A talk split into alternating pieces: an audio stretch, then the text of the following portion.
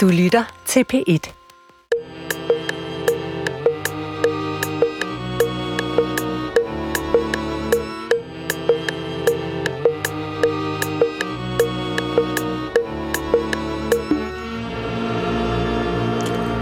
Goddag. Mit navn er Peter Lund Madsen, og rigtig hjertelig velkommen til Hjernekassen på P1. I dag skal det handle om en kombination af to emner. Det ene emne ved jeg virkelig meget lidt om. Det andet emne ved jeg noget om. I dag skal det handle om fodbold og hjerneforskning. Der er en gæst i studiet, ekspert i begge ting. Rigtig hjertelig velkommen til Jes Buster Madsen, Head of Research and Development i FC København. Velkommen til dig, Jes. Jo, tak. Velkommen til lytterne. Velkommen til Hjernekassen på P1. Du lytter til Hjernekassen på P1 med Peter Lund Madsen. Som i dag skal handle om fodbold og hjerneforskning, men jeg skal lige først lave en servicemæssig, ikke korrektion, men øh, et servicemæssigt tillæg, fordi der findes kræfter i dansk presse, øh, som er meget imod, at der bliver brugt engelske ord i danske udsendelser. Øh, og Head of Research and Development, Jes Buster Madsen, dagens gæst, kan du, hvad, hvad, hvad, hvad, hvad kan vi sige på dansk, så vi ikke kommer i uføre? Jeg tror, det er hoved for forskning og udvikling. Det er godt. Det er hermed sagt. Begge dele kan bruges. Yes, øh, tusind tak, fordi du vil komme. Jeg plejer altid at lægge ud med at bede mine gæster om at fortælle lidt om sig selv. Og det må du gerne gøre. Og du må godt fortælle lidt om din rejse fra fodbold til hjerneforskning og tilbage til fodbold. Så værsgo. Jo, tak. Jamen, som sagt, øh, mit navn er Jes Buster Madsen. Øhm, og hvis vi starter helt tilbage fra min ungdom, så har jeg jo altid været besat af perception og bevidsthed. Det har altid været det, jeg synes var, var det mest interessante. Det var, hvad er det egentlig, der konstituerer menneskelig virkelighed? Øh, hvad er det, der ligger under for det? Så det her med vores virkelighedsopfattelse ja. Ja. og vores sansapparat, det har virkelig været noget, du har interesseret dig for stort set altid. Altid, ja. Og øh, det starter jo så med, at, at jeg læste en bachelor i filosofi, øhm, og det var fordi, jeg gerne ville øh, lære noget om Kant og Schopenhauer og Fichte og Heidegger og alle de her mennesker, der havde været med til at komme med deres bud på, hvad er hjernen, hvad er et sind, hvordan oplever vi virkeligheden. Men øh, undervejs gik det jo op for mig, at, at al den her litteratur, selvom den var fantastisk og, og berigende, så sagde den jo ikke ret meget om hjernen, faktisk. Nej, men min oplevelse med sådan noget, ikke? filosofi om bevidsthed, det er, at man læser og læser og læser og læser, og forstår, forstår, forstår, måske, og så ender man det samme sted, hvor man var, da man startede.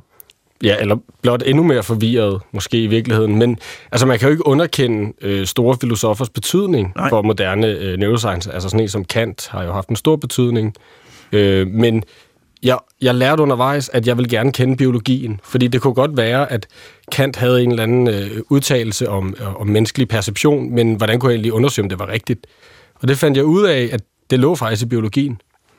Øhm, så jeg begyndte så at, faktisk at arbejde ude på Bispebjerg Hospital først som praktikant under Bente Pakkenberg, der for nylig er afdød, men øh, professor øh, Bente Pakkenberg, og hun lærte mig jo alt om at være et laboratorie. Hun viste mig hjerner, der havde fået øh, det hvide snit eller lobotomier.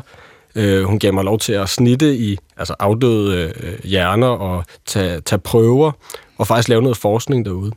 Og langsomt der blev jeg mere og mere øh, dygtig til også at forstå biologien. Øh, og det gav mig jo sindssygt meget, at jeg på den ene side havde den kritiske sans for filosofien og forståelse fra videnskabsteori, til så også faktisk at kunne, kunne, kunne læse et paper, et selvpaper for eksempel. Det giver jo en, en god ballast. Du kunne læse rigtig viden, eller videnskabelige artikler. Ja, og forstå statistikken, ja. og, og, og, og hvad er det egentlig, de prøver at sige her. Og øh, så tog jeg så en master i, i noget, der hedder Cognition øh, på, på KU, hvor jeg fik en langt bedre indførelse end helt generelt i, hvad er hjernen, og hvad er biologien bag, øh, og også forskningsmetoder. Så det var simpelthen, kan man sige, en uddannelse i hjerneforskning. Ja, i hvert fald i cognitive neuroscience. Ja. Øh, Ikke og hvad meget. betyder cognitive neuroscience? Jamen, det er jo undersøgelsen af menneskets, øh, hvad kan man sige, perceptionelle færdigheder. Så der går man, det, man kan faktisk godt lidt sige, at det er psykologi med tal på. Ja. Altså, så man kigger på opmærksomhed, men så måler vi også opmærksomhed. Øh, vi kigger på arbejdsudkommelse, men vi måler det også. Så det er hele tiden sådan en blanding mellem psykologi og, og, og, og det meget naturvidenskabelige. Øh, og det giver jo nogle muligheder for at sammenligne mennesker og sammenligne, hvad man kan perceptionelt og hvad man ikke kan osv.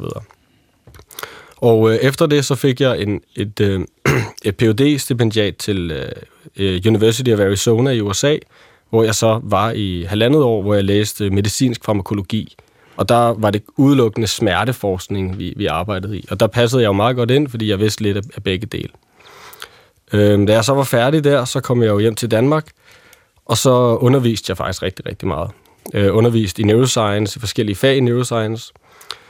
Og så øh, en dag så opdagede jeg, at der var sådan et lille forskningsfelt, der hed øh, Neuroscience and Football.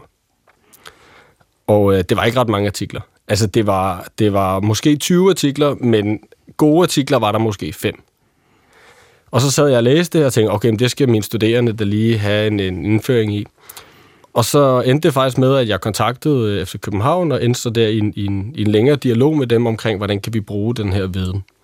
Og det endte så med også, at øh, for to år siden er jeg så startet i en fast stilling øh, ude i FC København, hvor jeg så stod for altså, udvikling, forskning, men, men med et særligt fokus på de kognitive videnskaber. Øhm, så det er der, jeg er i dag. Og har du nogen speciel tilknytning til fodboldens verden? Altså, det, jeg spillede jo i 3 da jeg var dreng, og det er jo den ene halvdel af FC København, så jeg har jo været FCK-fan siden jeg var tre år gammel. Øh, men øh, jeg var ikke helt god nok til at, at nærme mig øh, professionel fodbold, så jeg stoppede også, da jeg var 16-17 år gammel. Øh, men har siden jo været på sidelinjen, øh, fuldt FC København, stået i parken i mange år. Så det er jo, det er jo også en del af min identitet på en eller anden vis at, at være øh, FC København-fan. Øh, så, så det er jo min tilknytning til fodboldverdenen, vil jeg sige. Så den stilling, du har nu, det er en stilling, populært sagt, hvor øh, du skal undersøge mulighederne for at bruge hjerneforskning i træning af fodboldspillere. Er det korrekt? Det er helt korrekt. Ja. Og det er jo, øh, det er jo relativt nyt. Ja. Øh, og øh, jeg vil jo godt, som jeg, jeg, jeg vil jo ikke lægge skjul på, at min fodboldinteresse, og dermed min fodboldviden, er øh, sporadisk. Øh, vi havde lige her inden starten snak om, hvilket hold jeg skulle holde med, og der blev enige om, at jeg skulle holde med FC, FCK, ja. fordi jeg bor på Frederiksberg. Ja. Øh, så gør jeg det. øh, men, men, men kan du ikke, og det er altså et svært spørgsmål, kan du ikke fortælle mig, hvorfor fodbold er så populært? Jamen, det, det er jo egentlig på en eller anden vis også lidt en gåde, ikke? fordi der er ikke specielt mange mål i fodboldkampe. Øh, hvis du kigger på håndbold, der er jo øh, 60 mål i en kamp. I fodbold er der øh, cirka 2,5 øh, mål per kamp. Øh, der sker ikke så meget, og hvis man ser udefra, så er det bare 22 mand, der løber rundt øh, og sparker til en lederbold. Men jeg tror, at fodbold er bundet til så mange øh, sociale og kulturelle øh, hvad kan man sige, identitetsfaktorer. Altså, hvilken klub øh, man holder med, hvilken by man er fra. Øh, at der er selvfølgelig et vigtigt element, sådan det rent sociologiske i, at det er identitet, hvor vi, vi kan se i Sydamerika eller i England, at det er jo helt vildt. Altså, der er du født med en klub. Der, det er simpelthen det er den klub. Ja, og hvis det er Chelsea eller øh, Manchester City, så er du heldig, men hvis det er Oldham, så er, du, så er det ærgerligt, men du er bare Oldham-fan, altså sådan er det. Øhm, så der er virkelig noget, noget stærkt der, og, og jeg tror også, at den identitet er, bliver stærkere og stærkere i Danmark. Øh, vi kan jo se, der jo kommer flere og flere mennesker på stadion. Men jeg tror også, at det, at fodbold er altså indgangs, hvad kan man sige, the, the entry fee, hvis vi kan kalde det sådan, til at spille fodbold, den er faktisk 0 kroner. Du skal bare have en krop, og så skal du have et eller andet, der er en bold. Og så kan vi spille fodbold sammen. Der er mange andre sportsgrene, som golf eller tennis, hvor der er mange krav til, hvad du skal have, før du overhovedet kan spille. Og fodbold kan du spille overalt i verden. Og så er der også det, at fodbold er, alle der har prøvet at spille det, er helt vildt svært. Så når man ser nogen være vanvittigt dygtige, så er det også virkelig, virkelig imponerende. Fordi så kan du se, at de laver et saksespark eller en flugter, eller holdet fungerer godt. Så der er også noget i der. Altså, det er jo et komplekst spørgsmål at besvare, og jeg tror, der er rigtig mange elementer, der går ind i det. Men, øh, men det kulturelle og det, at det, det, det er let at få adgang til, øh, ja. Er det et svært spil at forstå? Ja, det er det jo. Altså, fordi det er jo et, et, et komplekst system, hvor der indgår øh, 22 øh, hjerner, og så og indgår der også lige nogle trænere, som også er hjernerne, som, øh, som skal få det her til at fungere. Så, det, så der er sindssygt mange ting, der, der skal gå op i en højere enhed, før at et fodboldhold spiller godt. Og det er jo også derfor, at sådan en som Pep Guardiola, der har vundet rigtig meget, han er så berømmet, som han er. Er han er en fodboldspiller? Og han er, han er, han er træner. Han er en træner. Formentlig ja, vel, vel, vel verdens bedste træner. Altså fordi han kan få de ting til at fungere. Du, lige meget hvor mange penge du har, så kan du kun starte med 11 mand på banen. Så Ja. du, du har ikke en, en, en fordel der. Øhm, så det du skal have, det er, at du skal have selvfølgelig forsøg. Det hjælper at have de bedste spillere, men, det, men du skal også have så meget andet. Du skal have taktisk overlegenhed. Du skal have forståelse for spillet. Øhm, så, så ja, ja, Der er meget, der skal gå op. ja. Øh, og så vil det jo så være, og det, det er jo nok der, hvor, hvor, hvor min manglende interesse stammer fra grundlæggende, det er kropsligt set. Hvad skal der til for at være en god sko- fodboldspiller? Altså sådan rent fysisk, Fysisk, ja. Jamen, altså, der er jo både, og det siger vi jo i talentudvikling, altså, der er jo en million måder at have succes på Ja. i sport. Og du kan jo være, øh, øh, altså, du skal selvfølgelig have nogen form for atletisk formåen, men, men du kan godt være langsom og være en god spiller. Du kan også være hurtig og være en god spiller. Du kan være stærk og være en god spiller. Du kan også være mindre stærk. Men jeg tror, en eller anden form for, for basispakke af fysisk formåen er nødvendigt på, på topniveau. Øh, men jeg vil ikke sige sådan, at det er nok bare at være hurtig. Og så kunne løbe hurtigt. Ja. Men det er en god ting at have, Ja. det er klart. Så kan du kompensere for fejl, du laver i spillet. Så man skal være hurtig, god til at løbe, Stærk.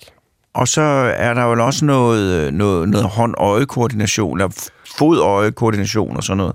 Ja, det er klart. Altså hele sådan, det, altså man kunne snakke om, om øh, proprioception, altså din forståelse af din egen krop i et rum, Ja. din øh, koordination. Øh, øh, ja, det er jo selvfølgelig helt vildt vigtige ting. Og man kan jo også se, øh, Messi er jo, hvis du kigger på ham, eller Luka Modric, som også er en rigtig god spiller, de er jo 1,65 høje, ikke?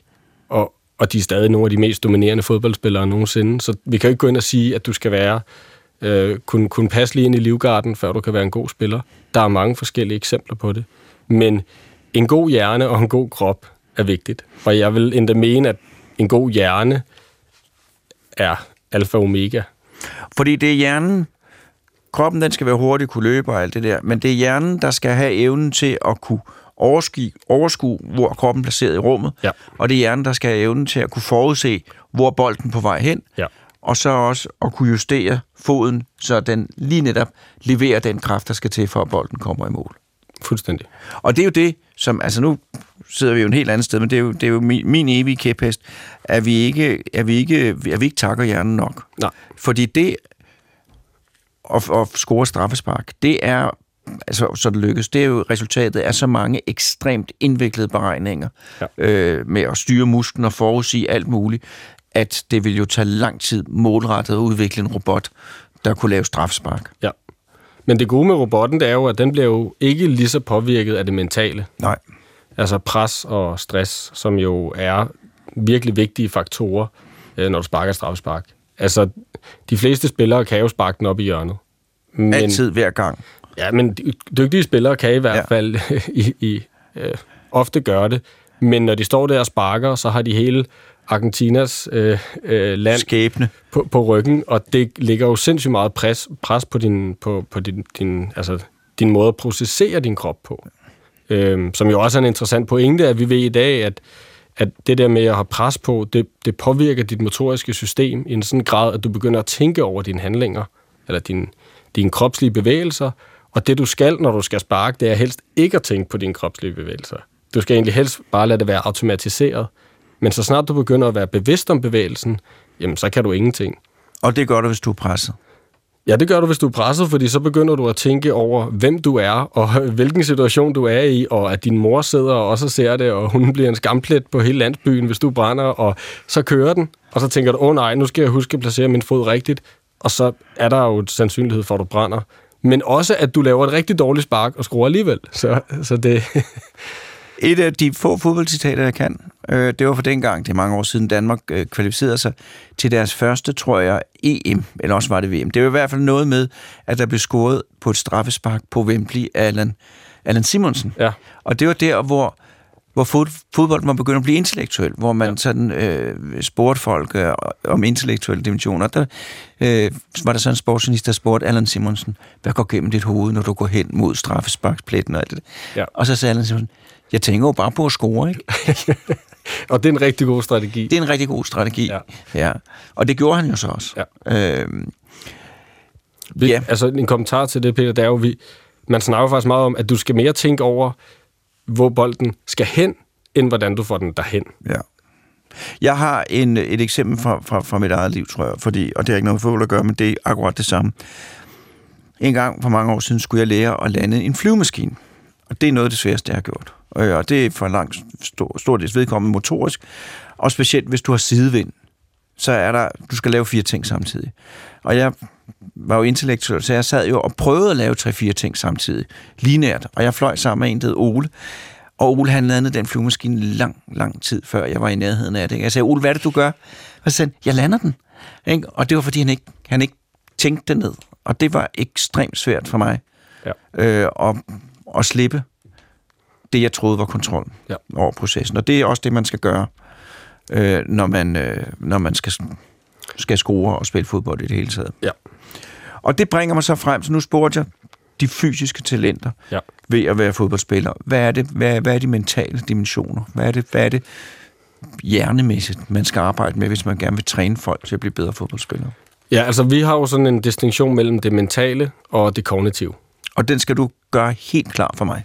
Ja, så det mentale, der kigger vi mere på, på personen. Altså på, på sådan deres vedholdenhed, deres personlighed, øh, hvordan håndterer de nederlag, hvordan håndterer de at lave fejl, hvor at det Det er psykologi, kan man sige. Det er mere psykologisk, ja. og det har vi også folk ansat til, som er super dygtige til det. Og øh, så har vi så det kognitive, hvor vi går ned helt konkret og kigger på opmærksomhed. Vi kigger på deres evne til at orientere sig i rum. Vi kigger på deres evne til at huske det, de har set. Vi kigger på deres kognitive fleksibilitet. Og hvad er det for noget? Den kognitive fleksibilitet, ja. er, det er evnen til at skifte mellem forskellige kategorier. Øh, det kan du enten være god eller, eller dårlig til. Øh, det er faktisk øh, klassiske sådan nogle øh, demenstest, som er ret gode til at afsløre tidlig demens, hvor at, at jo længere, jo mere fremskreden du er, jo sværere har du at hoppe mellem tal til bogstaver, for eksempel. Øhm, og så har vi jo motorisk inhibition, som i fodboldtermer hedder aflysning. Altså når du har taget en beslutning, kan du så stadigvæk nå at aflyse den beslutning og gøre noget andet. Og det er ret ofte vigtigt at kunne, fordi at det kan være, at du har taget en beslutning, men når du kigger op igen, så er spilleren markeret, eller løbet i offside, og så skal du selvfølgelig ikke spille ham. Og øhm, der er også andre ting, altså der er jo selvfølgelig... Øh, øh, altså mønstergenkendelse er også relativt vigtigt. Din, øh, Kan du give eksempel på det? Ja, altså mønstergenkendelse er jo, grund til at jeg ikke nævnte den, det er fordi, den er virkelig, virkelig svær for os at sætte tal på. Altså, Ja. hvordan måler du en spillers øh, pattern recognition, eller, ja, undskyld, nu snakker jeg engelsk igen, men hans evne til at mønstergenkende. Men, og det er jo så nu en længerevarende diskussion i fodbold, det her, men, men skal man lære spillere at spille fuldstændig rigidt inden for et system, hvor de ved, at hver gang de modtager bolden ude på højre bak, så kan de spille den til A eller B, og på den måde automatisere deres, deres handlemønster fuldstændig, eller er det bedre at lære spillerne at forstå og fortolke spillet? Sådan så, at det kan godt være, at de har nogle prioriterede spilområder, men de er også frie i deres beslutningstagen. Og det er en længerevarende øh, diskussion, som vi nok også kunne lave en hel podcast om, fordi det jo i virkeligheden også kommer ned til, hvad er det for et øh, kognitivt Altså, hvad er det for, for et individ, du skaber kognitivt? Altså, hvis de er gode til at være rigide, så er de virkelig hurtige til det. Ja. Men problemet er, at når modstanderen så stiller sig med tre angriber og presser dig på en ny måde, og der ikke står noget sted i din opskrift, hvad det så skal handle, så står du bare i stampe som en, en maskine, der ikke ved, om den skal sige A eller B. Øh, og derfor hælder vi i FC København meget mere over imod at lave spillere, som er proble- problemløsende. Øh, dermed ikke sagt, at vi, at vi laver spillere, som ikke har en plan eller en, en taktik. Hvad synes du? Nej, det vil også være forfærdeligt, ja. ikke? Så der er den der den blanding midt imellem, ikke? Ja. Vi skal lige have en jingle. Yep.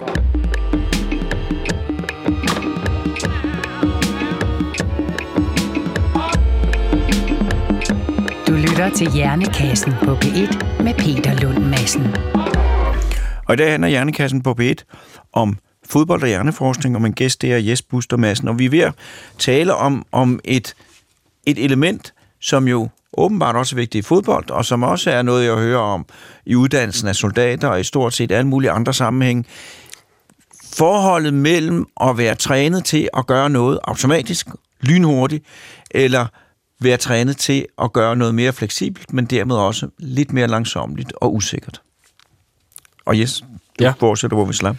Jamen, altså man, man kan sige, at det, som, som var det originale øh, spørgsmål, eller det, som vi startede alt det her med, det var jo, at, at vi vil gerne gå lidt væk fra den tanke, der hedder spilintelligens.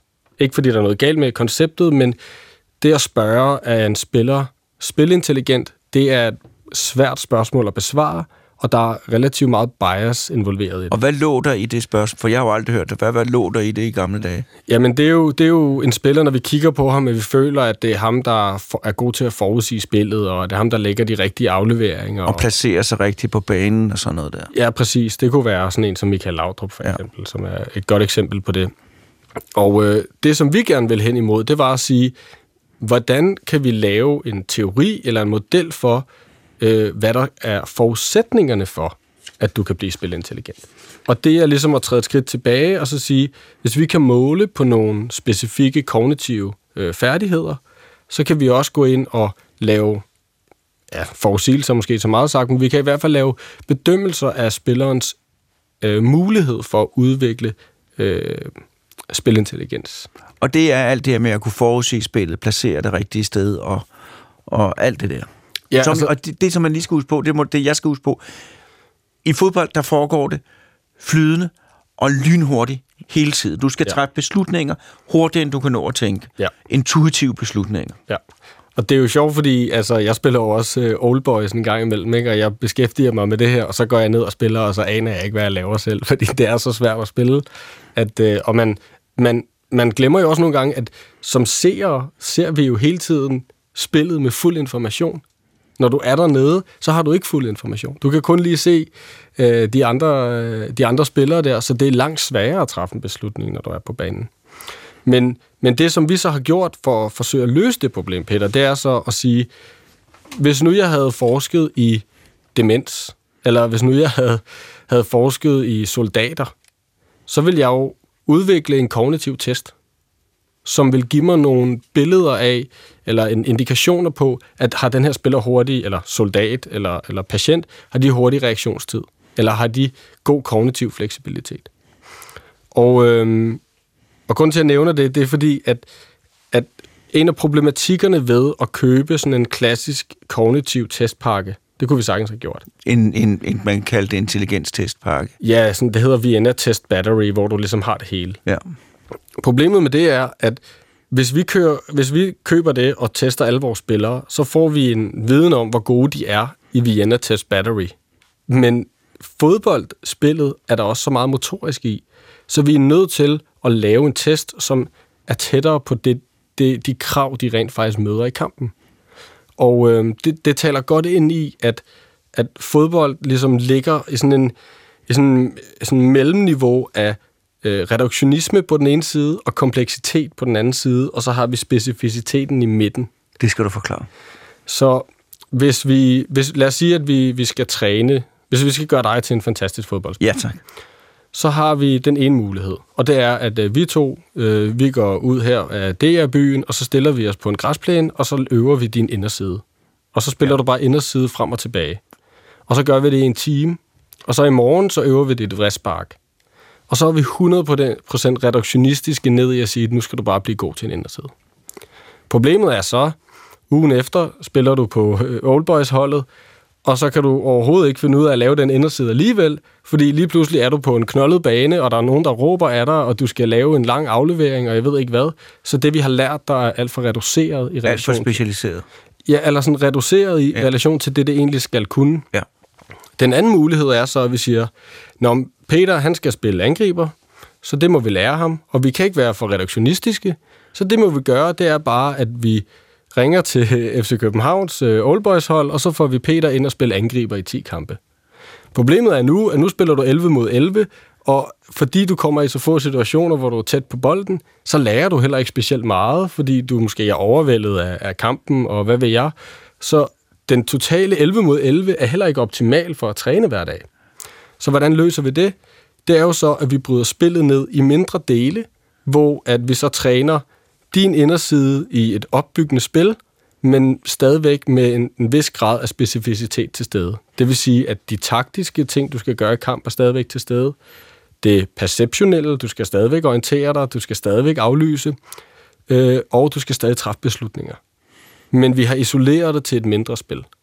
Så det er det, vi hele jeg- tiden arbejder med i fodboldtræning, det er den her øvelse, hvordan rammer den det, vi vil. Så man prøver at gøre noget overordnet, bringe det ned i nogle realistiske dele, så man kan træne det mere intenst, Ja. mens det stadigvæk har noget at gøre med virke, det, man møder ud i virkelighedens verden. Ja. Og det er jo en helt vild svær øvelse.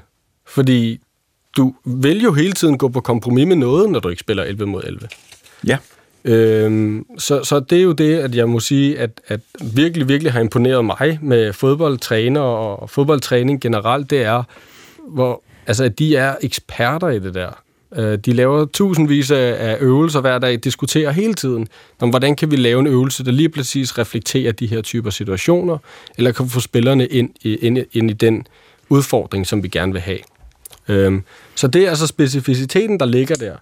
Øhm, og grunden til, at jeg så nævner det, det er jo selvfølgelig, at hvis vi vil lave en kognitiv test, så nytter det jo ikke noget, at vi tager en reduktionistisk tilgang til det, og siger, fint, lad dem køre en Vienna-test battery, og så ved vi, hvor meget vores spillere kan huske fra et eller andet tilfældigt mønster. Fordi det er egentlig lidt, lidt irrelevant. Man kunne godt forestille sig, at dem, der er dygtige til at huske de mønstre, de ikke nødvendigvis har den samme transfer til banen, at de også kan huske mange spillere eller udvikling på banen. Så måden, vi har løst det på, det er så ved at sige, hvis nu vi udnytter virtual reality, altså tager et fodboldspil, som foregår i virtual reality, og så lægger vi så de her kognitive test ind i spillet. Samtidig med, at vi måler på relevante parametre. Og hvad er målet på relevante parametre? Så vi måler på, hvor mange hovedvendinger har du i løbet af det her spil her. Så helt konkret, hvor meget orienterer du dig i dine omgivelser. Det ved vi fra forskning, at orienteringer hænger sammen med performance. Så dygtige midtbanespillere, de, De gode- kigger sig rundt. de kigger sig rigtig, rigtig meget rundt. Altså nogle af de bedste, de kigger sig næsten en gang rundt i sekundet. Så prøv at lægge Det er, en indika- det er en indikator på, at man er en god midtbanespiller.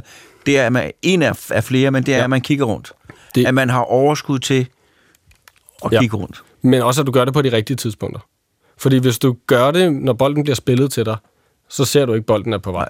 Så du skal, også, du skal også have timing, som vi snakker om. Så vi snakker om mængden af orienteringer, vi snakker om timing, og vi snakker om relevans. Der vil også være nogle gange, hvor altså, det er jo lige meget, hvis målmanden han står og orienterer sig, inden han, han sparker, sparker et målspark. Altså, så der er også noget relevans der. Så det er ikke bare, hvis man vil lege god midtbanespiller, så rende rundt og kigge sig omkring hele tiden. Nej, og det er jo den faktisk interessant nok en af de udfordringer, vi ser, når spillere bliver coachet i det der.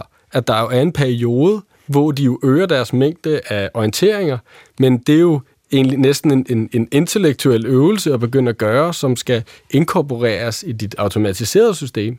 Så der falder deres niveau, deres tekniske niveau jo, fordi lige pludselig går, hov, jeg skal huske at orientere mig, og Så kigger man rundt, og så er det hak for det. Ja, men vi, altså, vi ved, at de bedste midtbanespillere i verden, de gør det rigtig meget, og vi ved faktisk også, at de bedste angriber i verden, de gør det rigtig meget. Så det er, Og det er en vigtigt. ting, man kan måle på. Det kan vi måle på i, virtual reality. Så der kan vi få et tal ud, der står, hvor meget orienterer han sig. Vi Og kan man også måle, om det sker relevant og alt det Ja, der. vi kan også måle deres timing. Vi kan måle, hvor mange af de gode orienteringer de- de har. Vi kan også måle på, om de kigger mere mod højre eller mod venstre.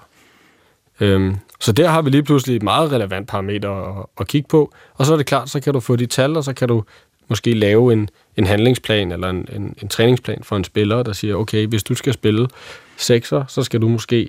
Seks og hvad, det er midtbanespiller. Ja, ja defensiv midtbanespiller, så skal du måske arbejde lidt på dine orienteringer. Og hvordan gør man det? Fordi det er jo, det lyder som om, at det er i, i, i, i praksis særdeles vanskeligt. Ja, det er jo håndværket, og det er noget, vi, vi, vi arbejder på hver dag, fordi vi- kan jo sagtens lave en øvelse, hvor at, øh, at, at du spiller en bold til mig, og øh, så mens bolden er undervejs, så skal jeg kigge mig om over højre og venstre skulder, og så skal jeg sige, hvor der er en rød kejle.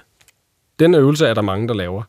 Men øh, den har vi masser af problemer med, den øvelse, fordi for det første kommer du ned fejlvendt, det vil sige, at du har ryggen til mål. Det vil vi ikke så gerne have, at vores spillere gør. Vi vil hellere have, at de har positioneret deres krop sidevendt.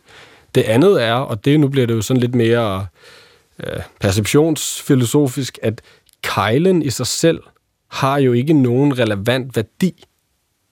Den er jo ikke, det er jo ikke en, en, en værdi, der giver mening i relation til fremtidige beslutninger. Hvorimod en orientering på en fodboldbane er måske, hov, der står to spillere der. Hvis jeg vender op, spiller på den ene, så kan jeg modtage den og spille den videre igen. Så det, du egentlig øver dem i at stå der helt statisk, det er at lave den her mekaniske bevægelse, men det, som vi gerne vil, det er, at de skal træffe bedre beslutninger. Så de skal, få, de skal, det er ikke nok at lave bevægelsen. Nej. De skal også øh, se de rigtige ting og få de rigtige ting ud af det. Ja, og så derfor er vi lidt mere komplekse i det. Altså, vil gerne brede lidt mere ud og, og, og træne den slags i lidt mere komplekse spil. Og hvordan gør I det? Fordi jeg allerede nu er, kan jeg se muligheder, men jeg kan også se problemer. Jamen, altså, en af de ting, vi har meget fokus på, det er jo coachingen. Det er jo, at trænerne har viden om de her ting, og dermed kan snakke med spillerne om, hvorfor er det, du orienterer dig, hvorfor er det, du ikke orienterer dig. Og det er der mere, vi tror, læringen er øh, i de åbne spil, end fuldstændig reduceret spil. Kan du give nogle andre eksempler? Fordi det der, det kan jeg godt forstå. Og jeg kan også godt forstå, at det er en vanvittig avanceret form for jernarbejde, der foregår der, når man... Altså, fordi det man jo skal, man skal placere opmærksomheden det rigtige sted, og man skal lynhurtigt øh, se efter de rigtige ting og træffe de rigtige beslutninger, som ligger i en forudsigelse af, hvad man regner med, at der kommer til at ske. Ja, altså en anden ting, som, som der også er, er, er vigtigt, det er, jo, det er jo det, der kommer før orienteringen. Det er jo opmærksomhed. Ja. Hvor at opmærksomhed, her snakker jeg ikke om, om, om koncentration. Der snakker jeg mere på, hvad er det egentlig for nogle ting, du kigger efter i dine omgivelser?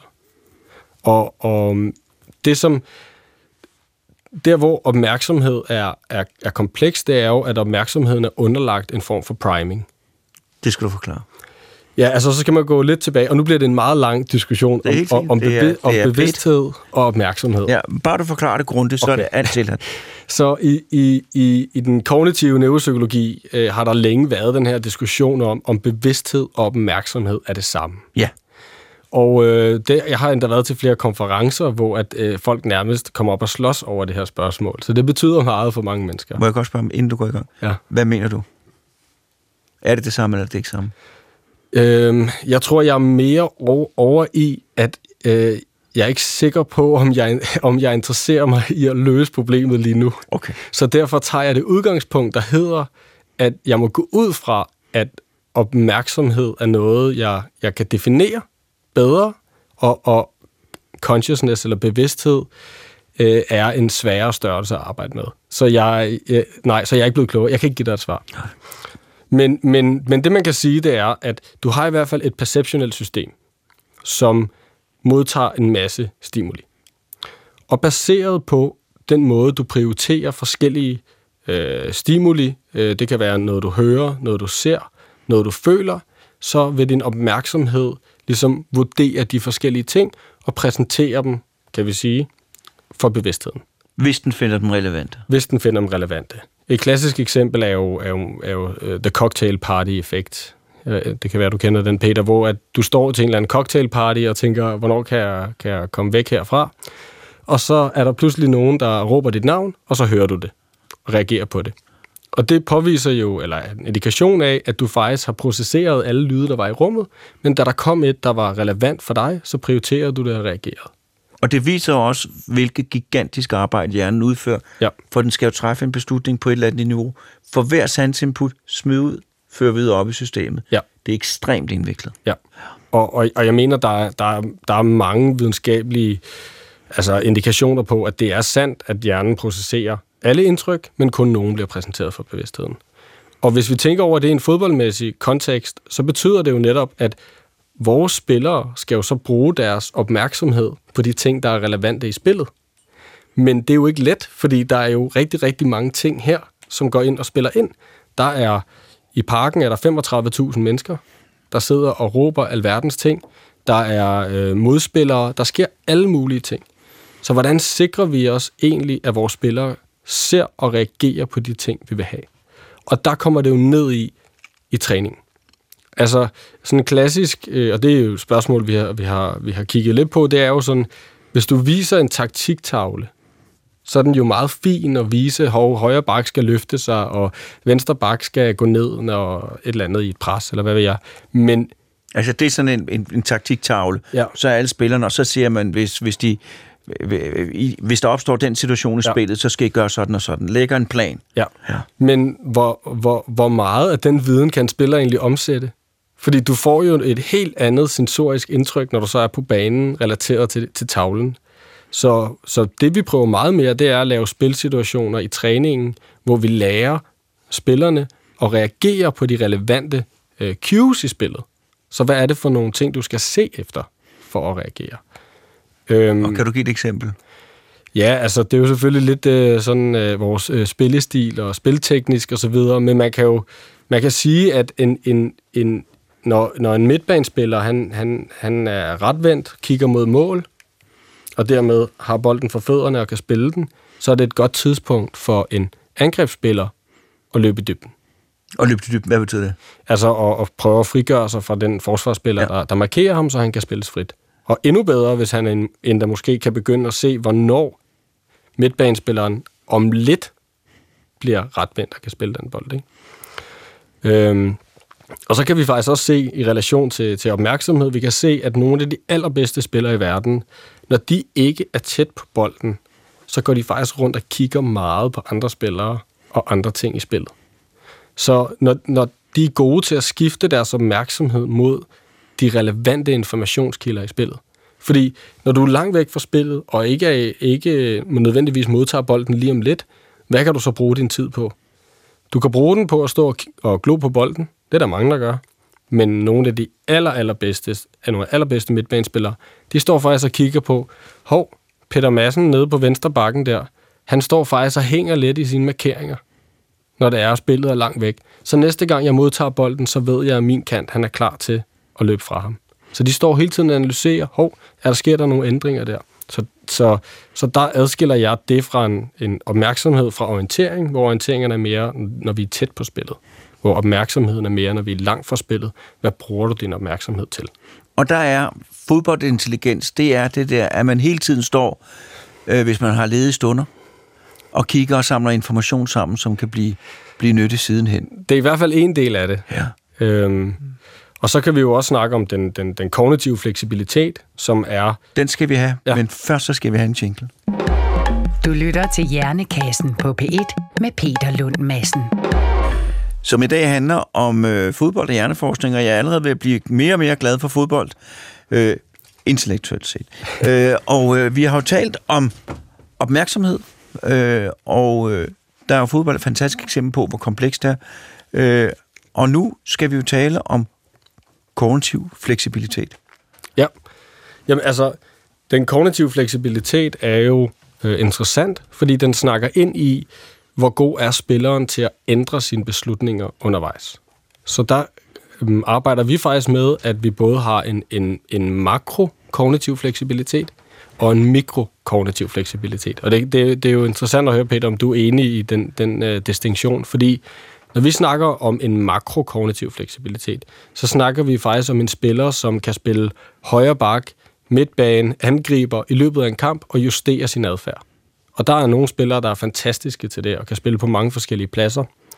Øh, klassisk eksempel er Andreas Christensen øh, fra det danske landshold, der faktisk i kampen mod Rusland starter i midterforsvaret, går så op på sekserrollen og løser begge ting øh, rigtig, rigtig fint. Så, så det er folk, der kan udfylde forskellige roller Ja. øh, i den samme kamp. Ja, og øh, der kan også være, der kommer et rødt kort. Øh, Og så ændrer til det hele Så ændrer det hele, eller de andre skruer, og så skal du til at justere din adfærd. Og så har, snakker vi om den mere mikroorienterede kognitive fleksibilitet. Og den snakker ind i, øh, lad os sige, du, du, du sparker et straffespark. Og øh, du vælger, at jeg sparker, øh, mit spark er afhængig af målmandens, hvad målmanden gør. Ja. Så du er ikke Alan Shearer. Alan Shearer, han plejede bare at sparke op i venstre hjørne. Han gjorde altid det samme. Du sparker nu som, som Neymar. Det vil sige, at du kigger på målmanden. Så du analyserer ham, og først i aller sidste sekund, når målmanden har valgt side, så vælger du, vælger du noget andet. Så der snakker vi om, at hvad vi, selv, vi kan kalde det for variabiliteten i din beslutningstagen er bred. Hvis, hvis du er Alan Shearer, så er det bare, der er kun én beslutning. Det er oppe i venstre hjørne. Jeg rokker ikke fra det. Jeg sparker bare der. Hvis du er Neymar, så siger du, jeg har 10 forskellige valgmuligheder. Jeg har egentlig en million forskellige, og jeg kan, jeg kan vente med at tage beslutningen i så lang tid. At man har set målmanden, Ja. før Øhm, man gør det. og det kalder vi også for kognitiv fleksibilitet. Øhm, ja. Og det er selvfølgelig også vigtigt at kunne, fordi så kan du væ- vælge mellem forskellige typer beslutninger, altså mikrobeslutninger i. Er det noget, I kan måle på, og er det noget, I kan træne? Det er 100% noget, vi kan træne. Det er meget svært at måle på. Og hvordan træner I det?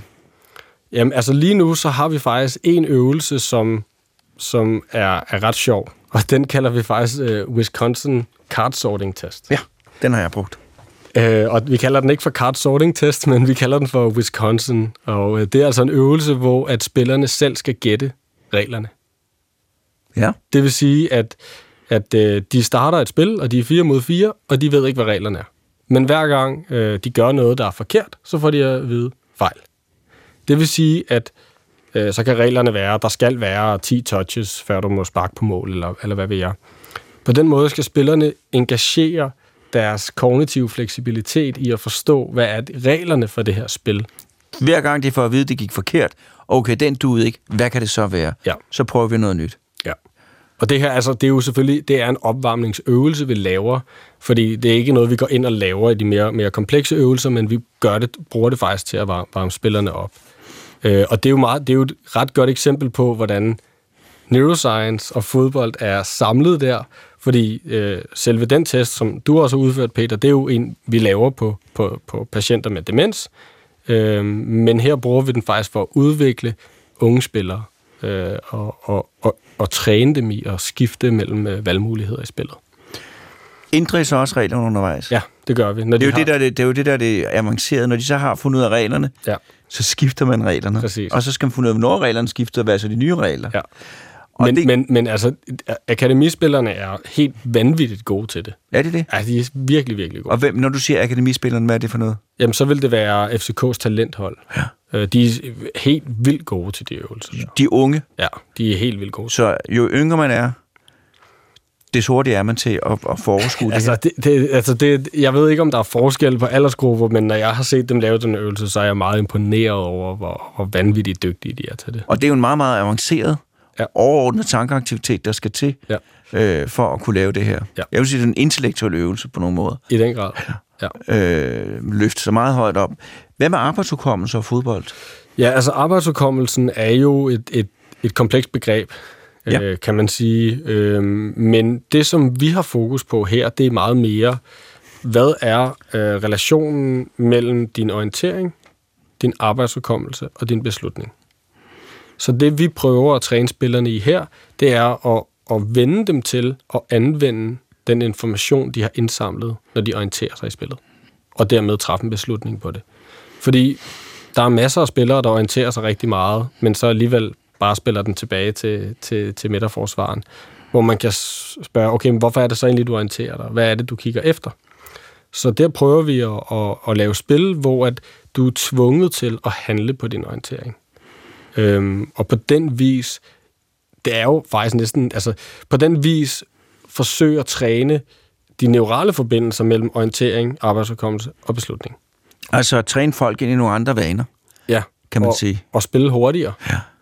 Øhm, så så det, i virkeligheden handler den kognitive neurovidenskab i fodbold, det handler jo i virkeligheden om at, at, at udvikle øh, spillere, som kan spille hurtigere og, og forstå spillet hurtigere end andre. Det er i virkeligheden det, der er essensen af det, ikke?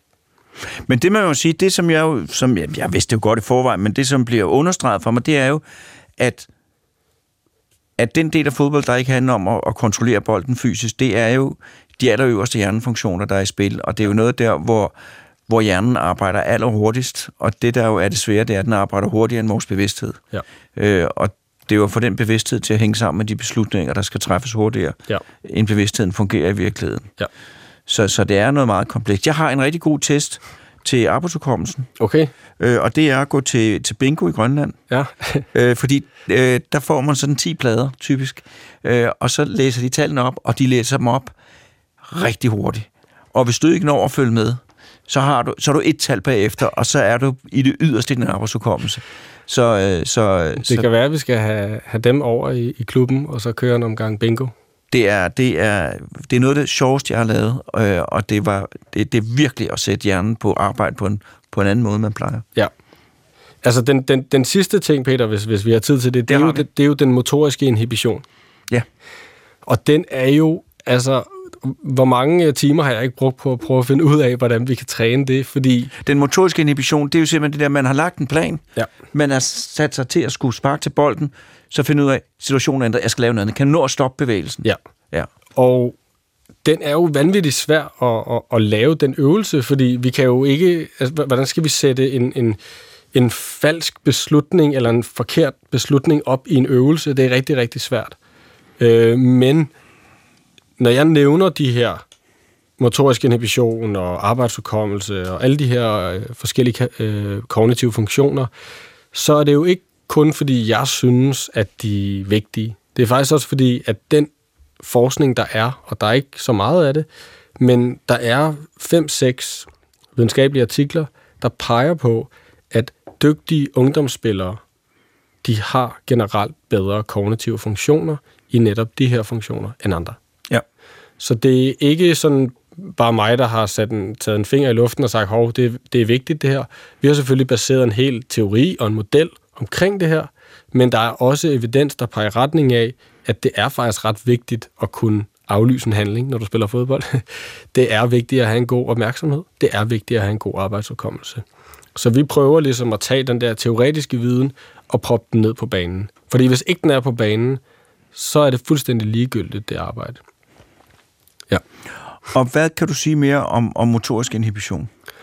Jamen altså, en klassisk øh, test i motorisk inhibition er jo, at du, du, du skal trykke højre eller venstre, og så kommer der en lyd, og så skal du ikke trykke højre eller venstre. Og så måler man så, hvor hurtigt er du til at reagere på det. Altså hvis lyden kommer et sekund før du stadigvæk trykker, så har du en dårlig motorisk ja. inhibition.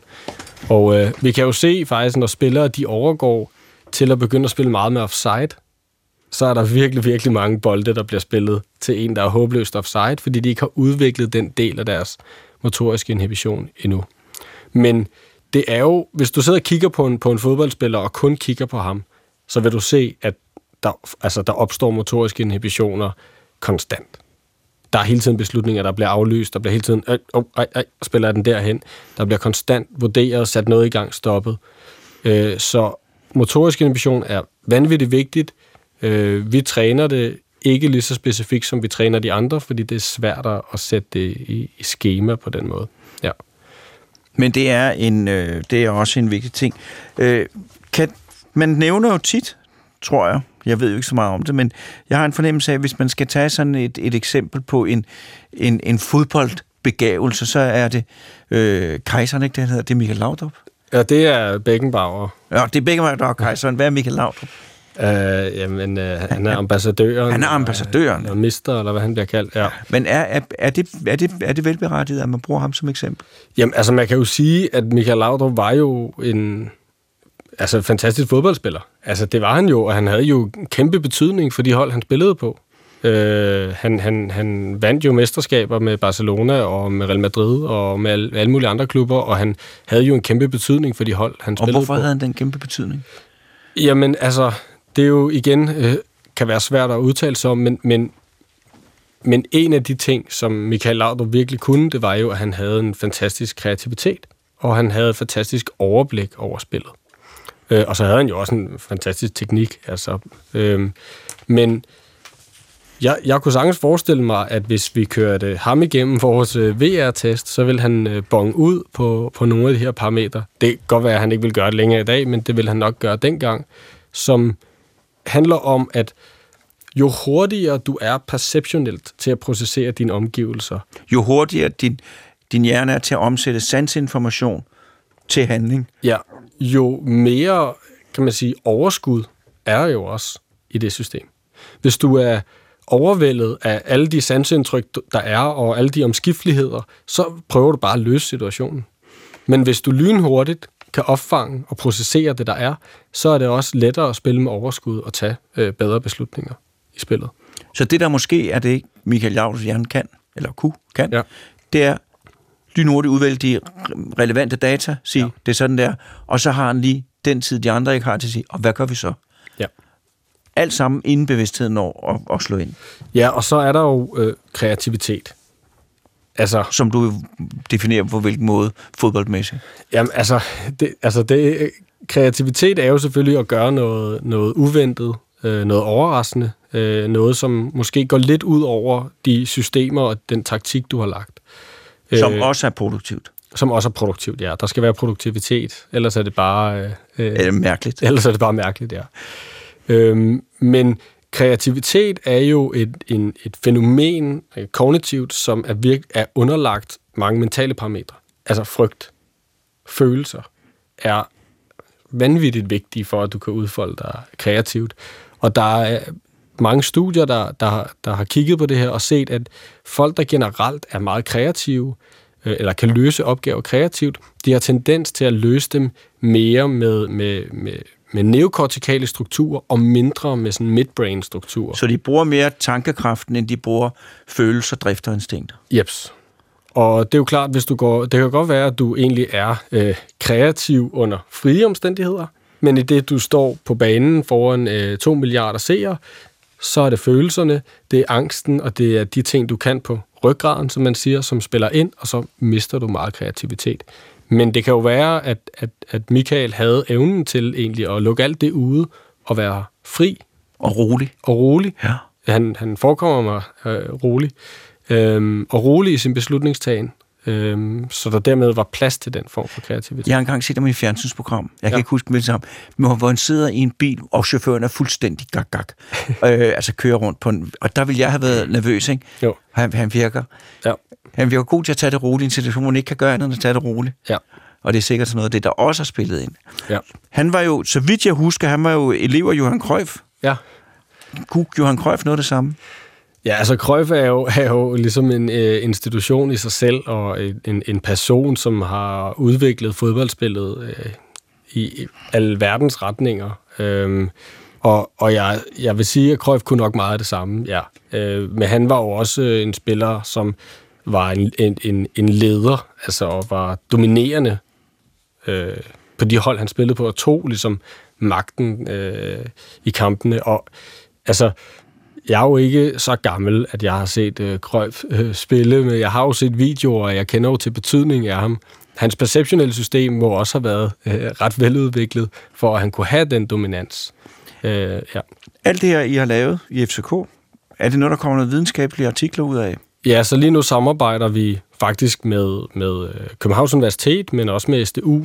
Altså generelt så har SDU, det er Syddansk Universitet. Ja, så, så vi har faktisk den indstilling, at vi vil gerne øh, styrke samarbejdet mellem øh, FC København og, og universiteterne. Så vi har ret mange studerende, specialstuderende, øh, bachelorstuderende endda, som går ind og bliver en del af klubben og hjælper med at, at skabe viden.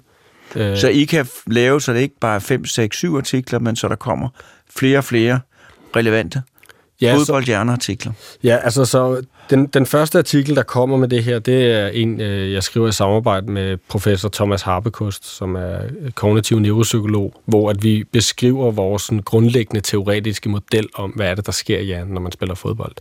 Og den er bygget udelukkende på, på forskning. Øh, og den kan så bruges i mange forskellige retninger. Det er, jo, det er jo klart, at hvis du skal forstå, hvad der sker i fodbolden, fodbold, når du spiller, eller hvad der sker i hjernen, når du spiller fodbold, så skal du have en hypotese om, hvad der sker. Og det er der ikke lige nu sådan rigtigt i fodboldverdenen. Der er mere sådan nogle øh, modeller om, om perception og action og handling, men de kan bredes ud på, på pingpong og på tennis, hvor vi har lavet en, en helt konkret fodboldmodel, øh, model, som, som vi, vi er i gang med at, at skrive færdig nu. Og jeg vil sige, at det er jo lykkedes for dig under det her, øh, og for mig til at få en vis mening. Jeg kan godt se det for mig. Ja. Øh, fordi det er jo noget, der hurtigt kunne blive meget diffust. Ja. Øh, men, øh, men jeg kan godt se, jeg kan godt se, øh, jeg kan godt se, at der også er noget konkret specifikt, en konkret specifik sammenhæng, som kan bruges. Men Peter, hvis, jeg må sige noget der, Det må du. det er jo, at for mig at se har det jo været en, en, en fantastisk øh, oplevelse at komme fra øh, neuropsykologien og, og ja, det cognitive neuroscience generelt, hvor at vi omtaler meget begreber som opmærksomhed, arbejdsudkommelse osv., men hvor relationerne ikke rigtig er der. I fodbold, der er det let at analysere. Den fodbold, de skal spille fremad, og der skal scores et mål, så der kommer en funktion. Ud af alt det der. Ja. Det bliver det sidste ord.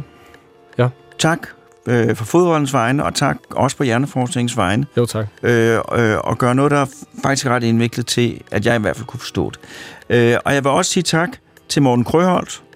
Øh, og så er det næste gang, vi har Hjernekassen, der skal det handle om fossiler. Og et af mine yndlingsmuseer øh, i Danmark.